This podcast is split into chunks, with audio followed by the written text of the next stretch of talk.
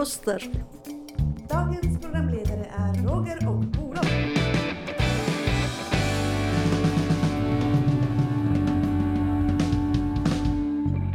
Dina röster i vardagen.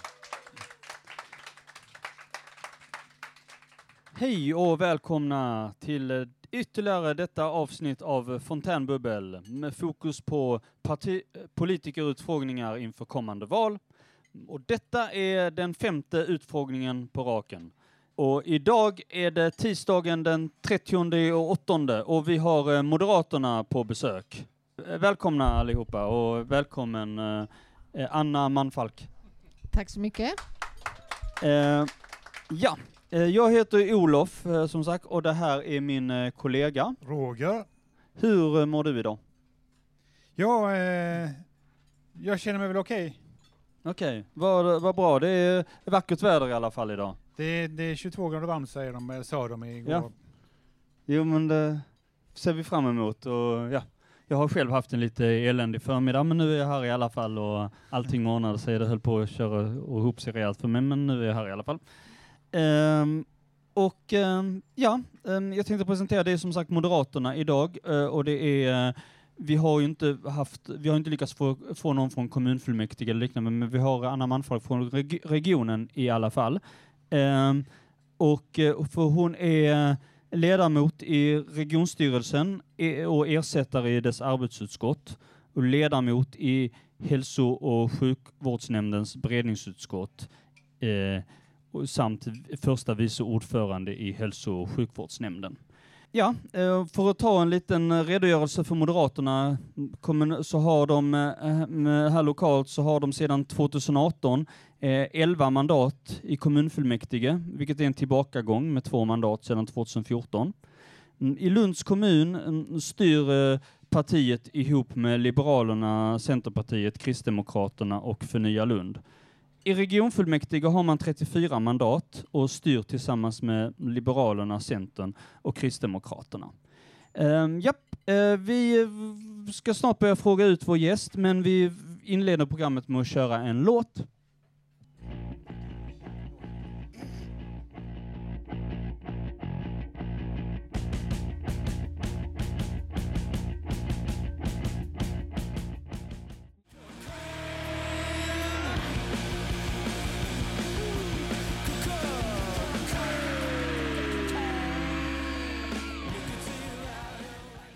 Du lyssnar på Fontänbubbel och det vi precis hörde var Feel Good Hit of the Summer med Queens of the Stone Age.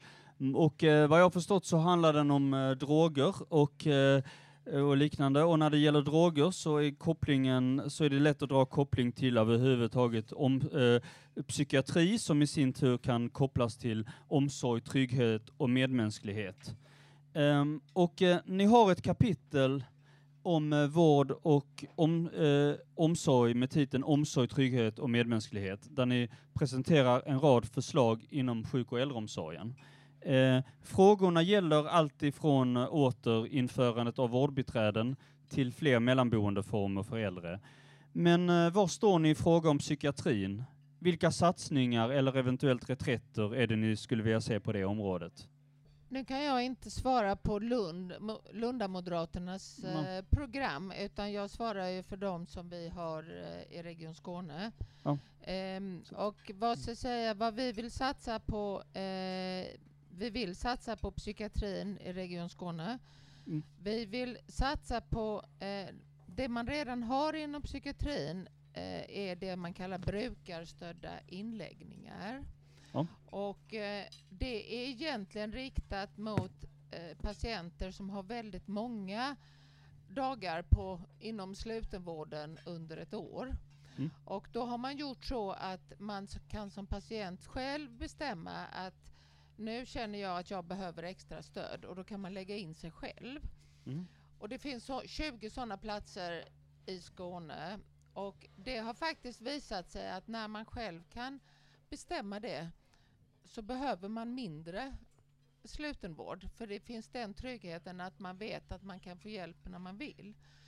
Och eh, den form av mellanvårdsplatser skulle vi också vilja ha för personer inom socialpsykiatrin Mm. som har mindre vårdbehov men där man ändå känner att nu är jag i en period där jag behöver lite extra stöd och då ska man kunna eh, vända sig till det. Tack så mycket för det svaret. Ehm, ja, Roger, du hade också lite frågor som du tänker på som gäller... Ja, trygghet. Och Mm. eh, eh, låt mig först säga att eh, jag inte har något principiellt emot Moderaternas trygghetsprogram i Lund. Tvärtom så är ju trygghet bra för alla då. Och, eh, men i, i Lunda Moderaternas Vår politik som finns på nätet så skriver ni bland annat i Moderaternas trygghetsprogram här ska barn kunna gå själva till och från skolan och fritidsaktiviteter utan att föräldrar oroar sig över brott. Tjejer och killar ska kunna ta sig hem från nationerna utan att vara oroliga över att gå ensamma. Och klanbråk på olika platser i staden ska aldrig accepteras eller normaliseras. I Lund ska vardagsbrott inte bli vardag. Om Lund ska vara tryggt även i framtiden krävs det att rätt politiska beslut fattas idag. Slutcitat.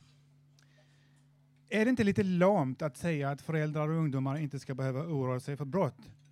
Och sedan utan vare sig punkt eller kommatecken slänga in att klanbråk aldrig får accepteras eller normaliseras. Är, är detta inte ett bevis på att Moderaterna saknar ryggrad och mod att säga vad ni tänker rent ut? Att det således är populism? Nu är detta ju återigen Lunda-Moderaternas eh, valprogram så det, och jag förstår att det är det ni Mm. har, har förberett. Eh, nej men jag tänker att tryggheten är viktig och tryggheten är, är viktig överallt. Men trygghet är ju inte bara att eh, hur det är ute på gator och torg eh, utan trygghet är också det att man vet att man får stöd och hjälp den dagen man behöver. Ehm, Så det finns ju många eh, trygghet är också att det finns en skola att gå till eller en daglig verksamhet att gå till eller att det finns aktiviteter. Så att jag tycker att trygghetsbegreppet är mycket större än bara eh, lag och ordning. Jo, det håller jag med om, men nu var det ju just det här specifika exemplet som jag tänkte var lite knasigt då.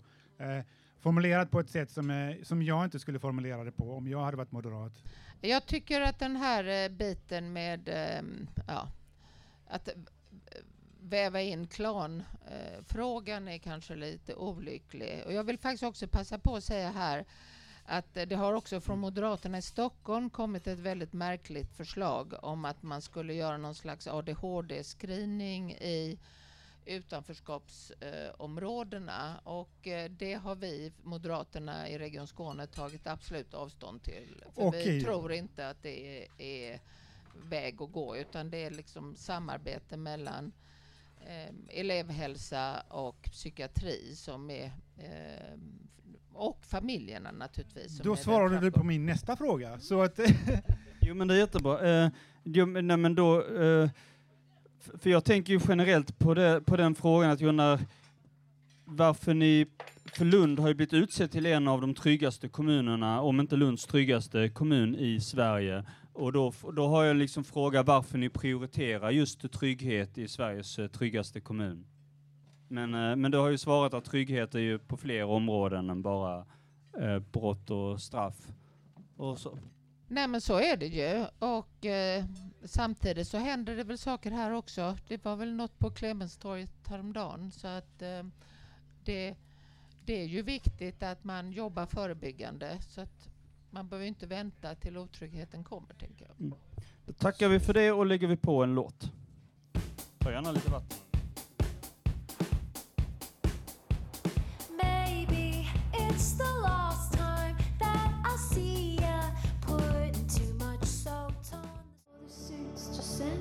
on my way, big man, proud with your new stripe. I'll be a child rest of my life. Du lyssnar på Fontänbubbel och det vi precis hörde var Langs med Stella Donnelly. Ehm, vi gör en lite specialare nu eftersom eh, normalt så pratar vi ju i uh, oavbrutet och ställer raka frågor mellan programledarna och besökarna eh, den första halvtimmen innan vi släpper in publiken. Men eh, nu har vi en medlem som måste gå tidigare, så jag tänker att vi släpper in honom först och så återgår vi till den vanliga formalian och sen släpper vi in publiken efter det. Välkommen! Va, vad heter du? Eh, Jan heter jag. Hej. Hej. Eh, jo, jag har varit upp några gånger och ställt ungefär samma fråga. Jag ska se bara vad titeln heter. Jag läste den här, jag nästan läste ut hela, men Fredrik Reinfeldt skrev en bok som heter Nya livet. Om att leva till 100, arbeta till 75, börja vid 50 och komma igång vid 25. Det är en mycket spännande tanke han tar, ut, tar upp i den boken faktiskt, om det, om det öppna samhället också. Eh, och sen är det ju att han varnar ju för det här med digitaliseringens faror. Alltså det är framförallt digitaliseringen, vad den gör med samhället. Att det, det, det är inte bara guld som glimmar, det kommer att, att försvinna arbeten, tillfällen. Och där vet jag att högerblocket har pratat om tidigare. Eh, bland annat när, när eh, då när, vad kallar man alliansen? Eh, eh, centern, Moderaterna, Liberalerna och KD då. Eh, så jag ser den här faran med digitaliseringen att det, det, det är en oro oron, inte bara som privatperson med alla appar, allt som man håller reda på, alla som inte kan, men teknostress bör man tala om på jobbet. Digitaliseringsstress, hela den biten. Och jag, jag skulle börja undra, vad, vad, har, vad har du för tankar kring detta? Jättebra fråga. Um, vad ska jag säga? Digitaliseringen har ju väldigt många möjligheter. Och man kan ju säga att under eh, coronapandemin nu så gjorde ju digitaliseringen att man kunde genomföra eh, saker. Men sen så finns det ett digitalt utanförskap. Eh, och det finns ju vad ska jag säga, personer som inte kan av olika anledningar tillgodogöra sig den tekniken. Och de, därför måste det alltid finnas möjligheter att få kontakt och stöd eh, utan den digitala Eh, det vi tittar på nu till exempel, jag var och pratade för hinderrörelsen så är det ju det här med bank-id. Eh, alla klarar inte av eh, bank-id och det är ju fler och fler appar och tjänster och så som kräver att man har bank-id.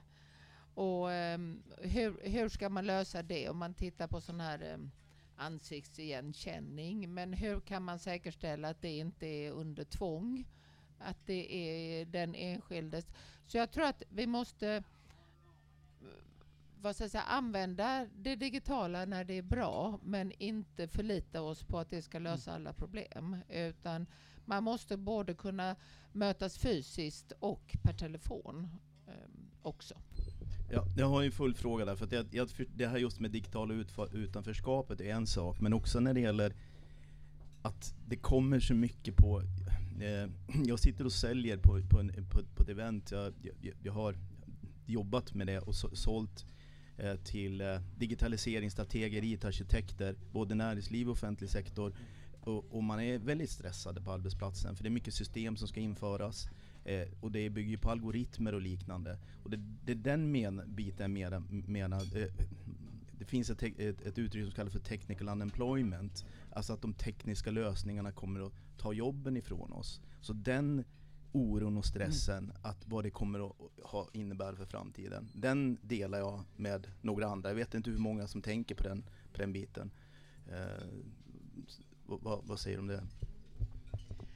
Nej men så är det ju definitivt. Och det är också så, jag har jobbat inom den eh, grafiska industrin med tryckeri och, och repro och produktion och så. Och där är ju hela yrkeskårer som inte finns längre, som har försvunnit helt och hållet. Sen tror jag också, å andra sidan, att det finns en, en digital stress. Vi har ju väldigt gamla IT-system inom sjukvården. Och det skapar också en väldig stress hos våra vårdpersonal att man har dåliga IT-system. Så att det här är ju lite grann att gå balansgång på slak lina skulle jag vilja säga. Att både, eh, för det är mycket administration som kan avhjälpas. Och sen är det också precis som du säger att det finns en del eh, saker som faktiskt eh, försvinner. Eh, och det kan ju vara bra när det är kanske en del arbetsuppgifter som är mm, tunga och eh, men det är ju inte så att människan kan ersättas överallt på absolut. Nej, men det tackar jag för. Bra svar. Tack så mycket. Ehm, ja, eh, funderade, ska vi spela en låt nu så, f- s- s- s- kör vi igång med ytterligare lite frågor och sen släpper vi in publiken efter det.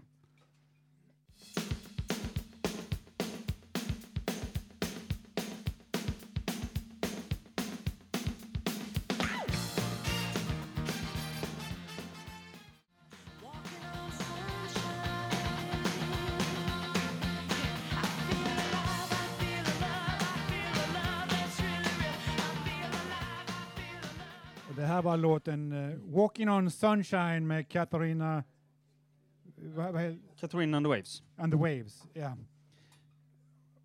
Okej, du- varför valde du den låten förresten? Det var ju du som valde den här låten.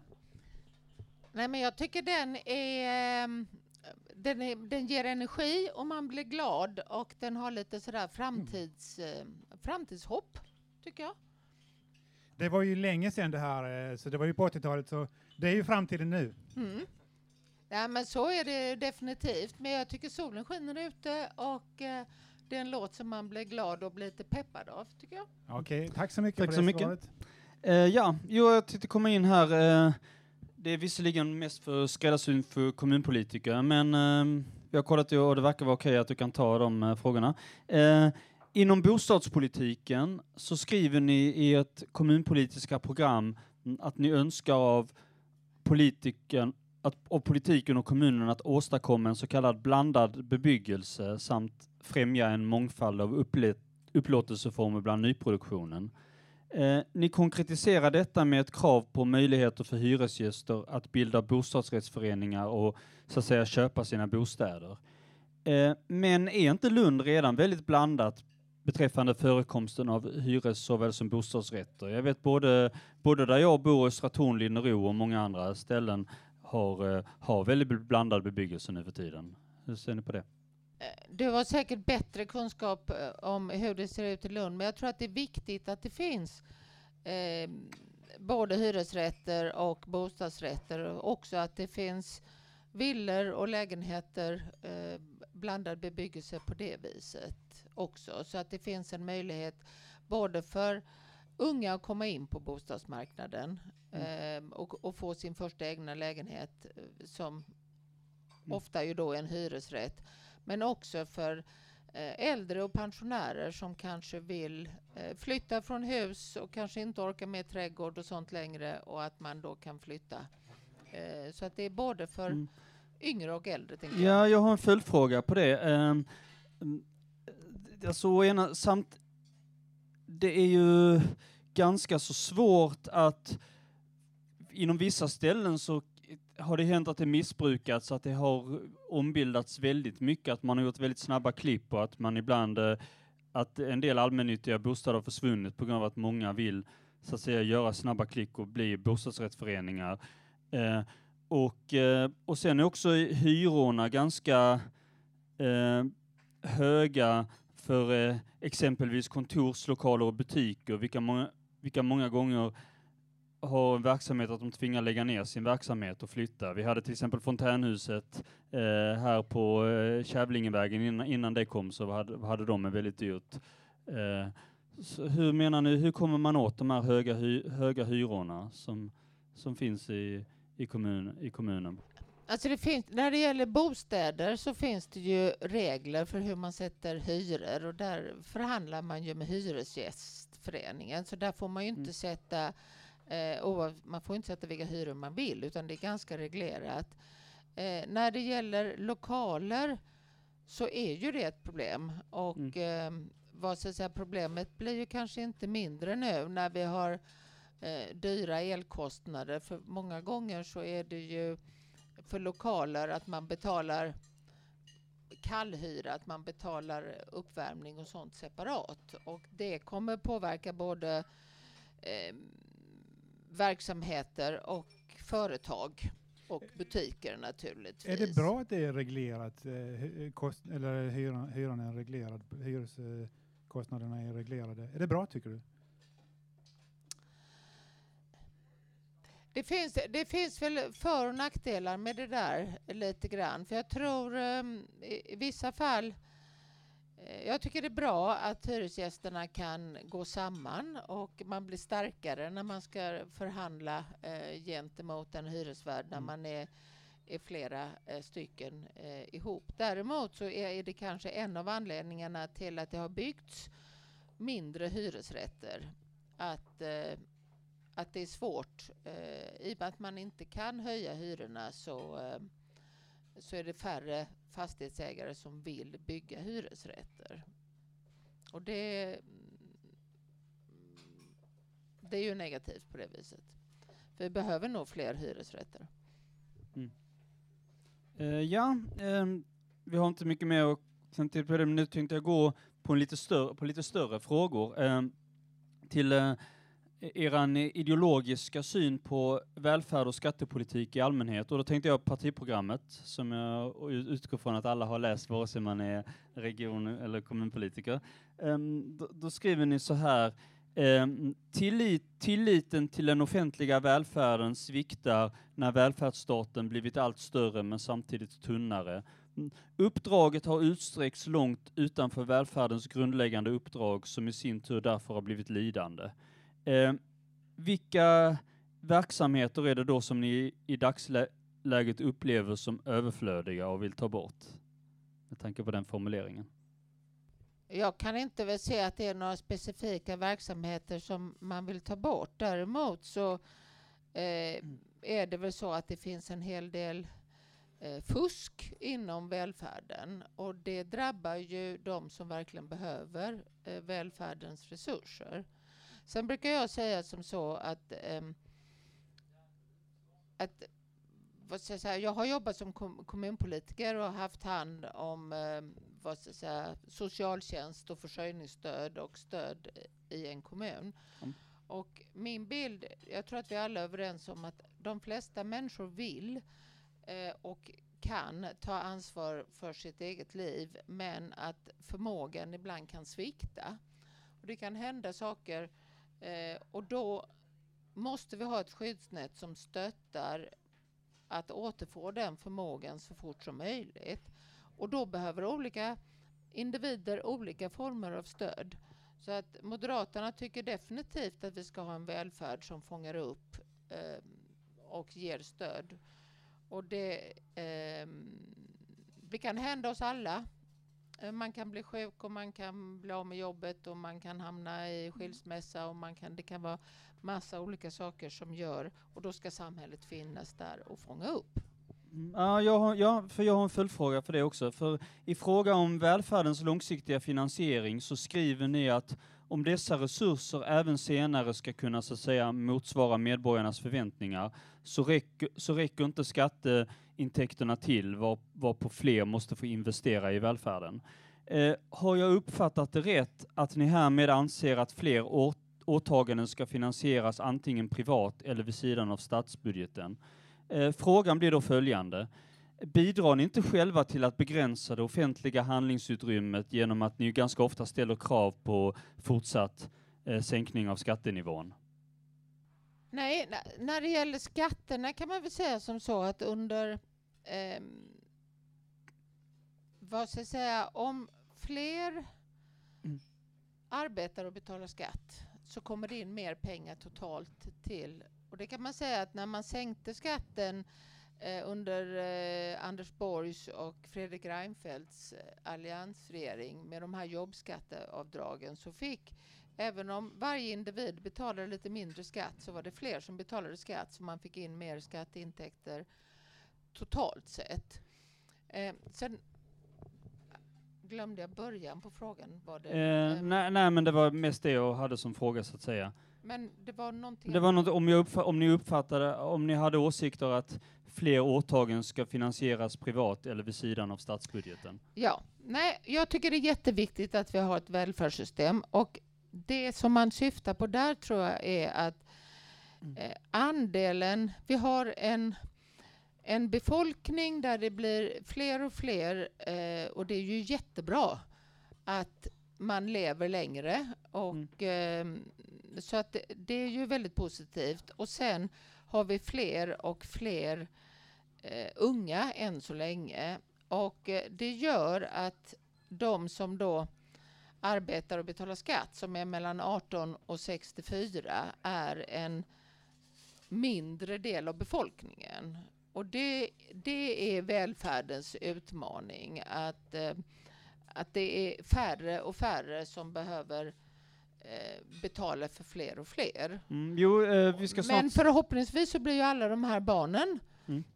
så småningom kommer de ut i arbetslivet. Så att eh, vi tänker inte att man ska ha privat finansiering av välfärden. Däremot måste vi använda pengarna, de pengar vi har, på ett så bra sätt som möjligt. Okej, vi tackar för Tackar det. för vi det. skulle spela en låt.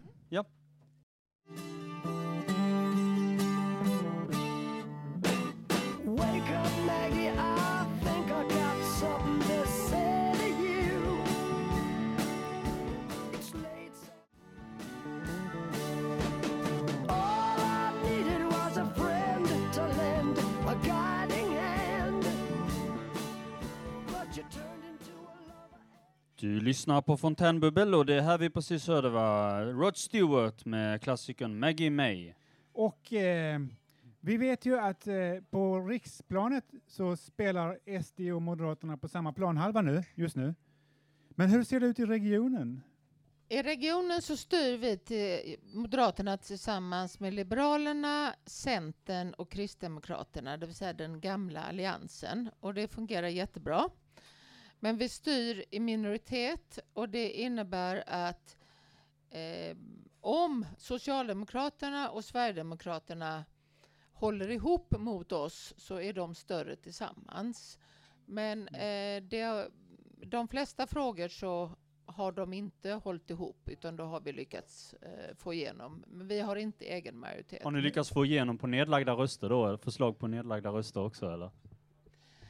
Nej, alltså vad vi ville göra var att vi ville göra eh, vårdval inom BUP och då gick Sverigedemokraterna och Socialdemokraterna och då röstade de nej Mm. eh, gemensamt. Annars är det faktiskt så att eh, inom sjukvårdspolitiken så är vi inte så himla osams partierna många gånger utan antingen så röstar Mm. Socialdemokraterna med oss eller Mm. ibland Sverigedemokraterna. Jo, Men jo. vi styr inte med dem. Nej, jag fick det intrycket också när jag frågade ut eh, politiker förra val, så att eh, det var moderater och socialdemokrater och många andra partier. De verkade ändå vara mycket mer med överens om sjukvården än vad det verkar som på riksplanet. Och det tycker jag är intressant, för även det verkar skilja, för på riksnivå så är man ganska beredd att göra så här samarbete med Sverigedemokraterna, men här i Lund så har till exempel kommunalrådet Fredrik Ljunghill förra året uteslut, uteslöt eh, SD-samarbete. Vi kan, skulle kanske ta och bjuda in publiken. Är det någon som vill komma upp här? Här har vi en. Välkommen! Vill, vill, du, vill du tala om vad du heter? Vill du berätta? Så, hej! Jag heter Eva Cecilia eh, och jag är eh, väldigt intresserad av klimatfrågor. Ehm, jag har en fråga ehm, om eh, vilket eh, Moderaterna anser vara eh, den viktigaste frågan, alltså det mest relevanta, vad ska jag säga? Vad är det grundläggande problemet med klimatet och vad kan vi göra åt det? Det som är mest överhängande nu är att vi måste få ner koldioxidutsläppen. Mm, absolut. Och, eh, och då måste vi ehm, få bort fossila bränslen. Ja, det, Och, eh, det- och då ja. måste vi eh, vad ska säga, ha mer tillgång till el mm. för att vi behöver ställa om ehm, både hushåll men också industrin. Eh, Men jag tänker att det är en teoretisk fråga, men rent praktiskt, till exempel när det gäller att återställa våtmarker.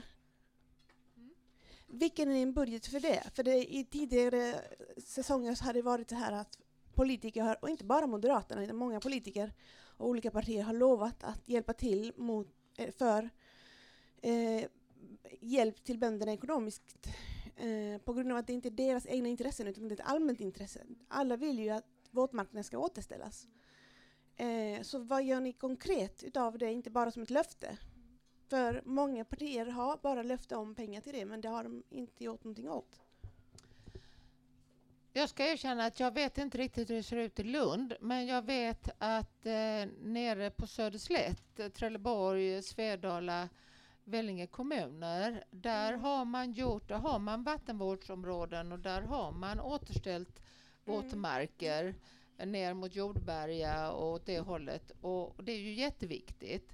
Och sen är det många kommuner också i eh, Skåne som har eh, problem med stranderosion och, och skydd mot Mm. stigande havsnivåer. Så att, många gånger så är det så att kommunerna och regionen får gå in och stötta. Eh, För ofta är det ju de här områdena, de ligger kanske inte bara i en kommun utan de Mm. kanske gränsar eh, gränsar det, vad ska jag säga, över flera kommungränser och då är regionen också inblandad. Tack så mycket. Tack så mycket. Vi har har vi en annan person en annan som kom gäst. upp här. Välkommen upp. Vad heter du? Göran, hej. Du, jag tänkte era partiledare, alla partiledare förekommer ju livligt i tv och radio. Och eh, vad jag har förstått så ni och eh, KD, SD, för Liberalerna, ni vill eh, ha lite hårdare tag och straff och fler poliser. Eh, vad, vad kostar en polis ungefär? Vad en polis kostar? Ja. Ja, jag ska erkänna att jag har inte de siffrorna men jag vet att alla förslag som vi har lagt fram har vi också eh, skickat med pengar. För det är också viktigt när man lovar att man inte bara lovar att nu ska vi anställa 10 000 fler poliser och så skickar man inte med pengar.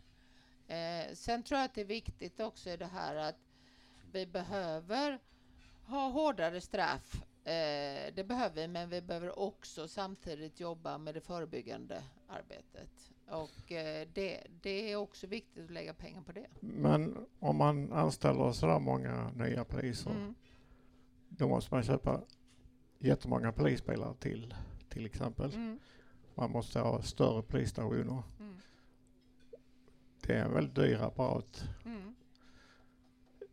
Kan det inte vara så, jag har bevakat många rättegångar i mitt Mm. liv, att poliserna vi har idag är tillräckligt, eh, men de är för dåliga förundersökningsledare, även åklagare. Mm.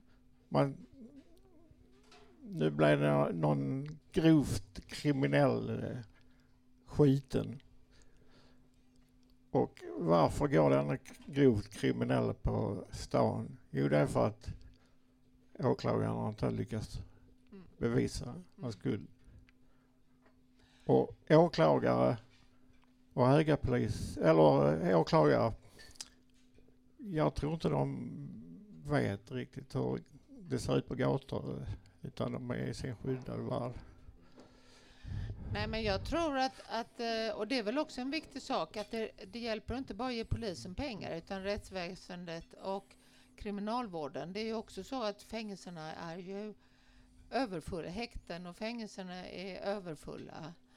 Ehm, så att det är väl viktigt. Sen tror jag också det är viktigt att polisen är ute bland bland folk ute, att man inte sitter på ett kontor eller att man sitter i sin polisbil utan att vi har mer eh, poliser som känner folk som bor i Lund till exempel eller är ute på det viset. Ja, jag, jag känner en del poliser och alldeles utmärkta polisbefäl i yttre tjänst blir befordrade och sitter inne på kontoret istället. Det kan man inte... Alltså, kan inte politikerna öronmärka att det här, de här pengarna får inte gå till ökade löner för chefer utan det här ska vara yttre tjänst. Är det praktiskt möjligt att göra det? Nej, men jag tror att, att, eh, att vad man kan göra, det är ju faktiskt samma sak när det gäller eh, i sjukvården och lärare, att man måste kunna göra karriär och bli befordrad utan att flytta in på ett kontor. Att man kan vara nära medborgarna eller vara nära patienterna eller vara nära eleverna.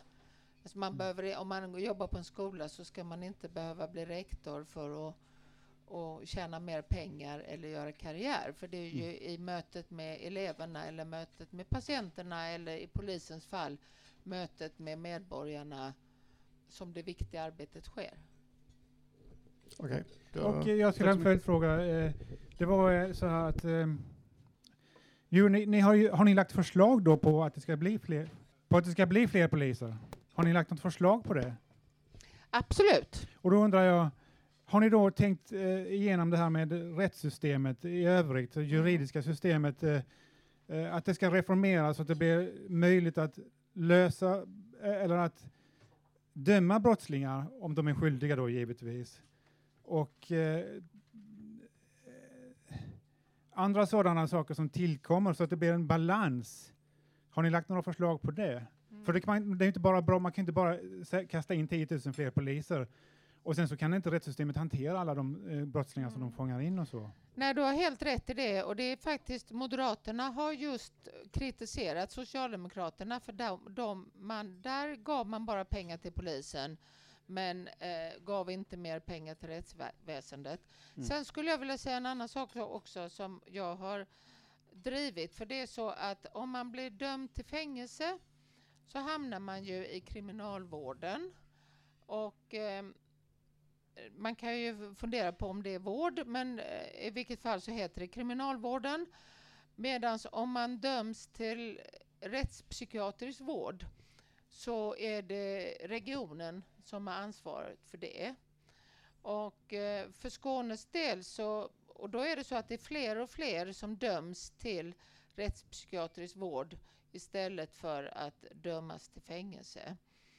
Och, ehm, och vi i Skåne får bygga fler och fler platser eh, för rättspsykiatrin.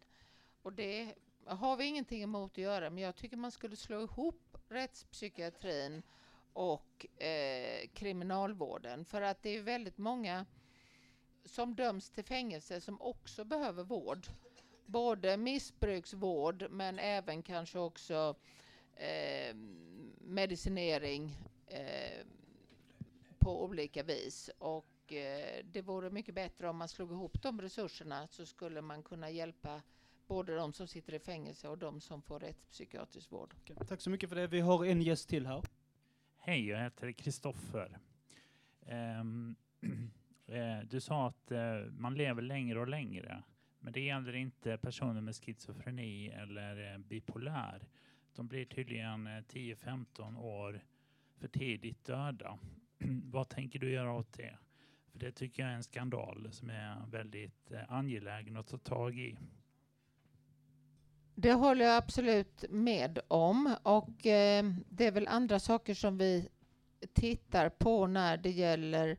Vi har ett vad ska jag säga, vallöfte in i Region Skåne inom psykiatrin. Eh, vad ska jag säga, dels så finns det ju rätt så mycket forskning som visar att personer med psykisk sjukdom och psykisk ohälsa också får sämre vård vad gäller vanlig sjukdom. Och att man då kanske undviker att söka vård också som gör att eh, sjukdomar upptäcks för sent och det förkortar livet. Det finns ju också kopplingar mellan eh, kost och motion och, och alla de bitarna. Sen är det ju också självmordsbiten som vi tittar på. När Skåne har färre eh, självmord per capita än resten av Sverige. Men det hjälper ju inte för varje självmord är ju ett självmord för mycket. Och där vill vi ha eh, en, vad ska jag säga, att varje självmord ska... För vi har tittat på forskning eh, där man ser, där vi har undersökt att de som har genomfört ett självmord Eh, vilken kontakt har de haft med vård, sjukvården den senaste månaden innan? Och då är det faktiskt 50, hälften av de som har haft kontakt med sjukvården. Och då kanske de inte har sökt för psykisk ohälsa, de kanske har sökt för någonting annat.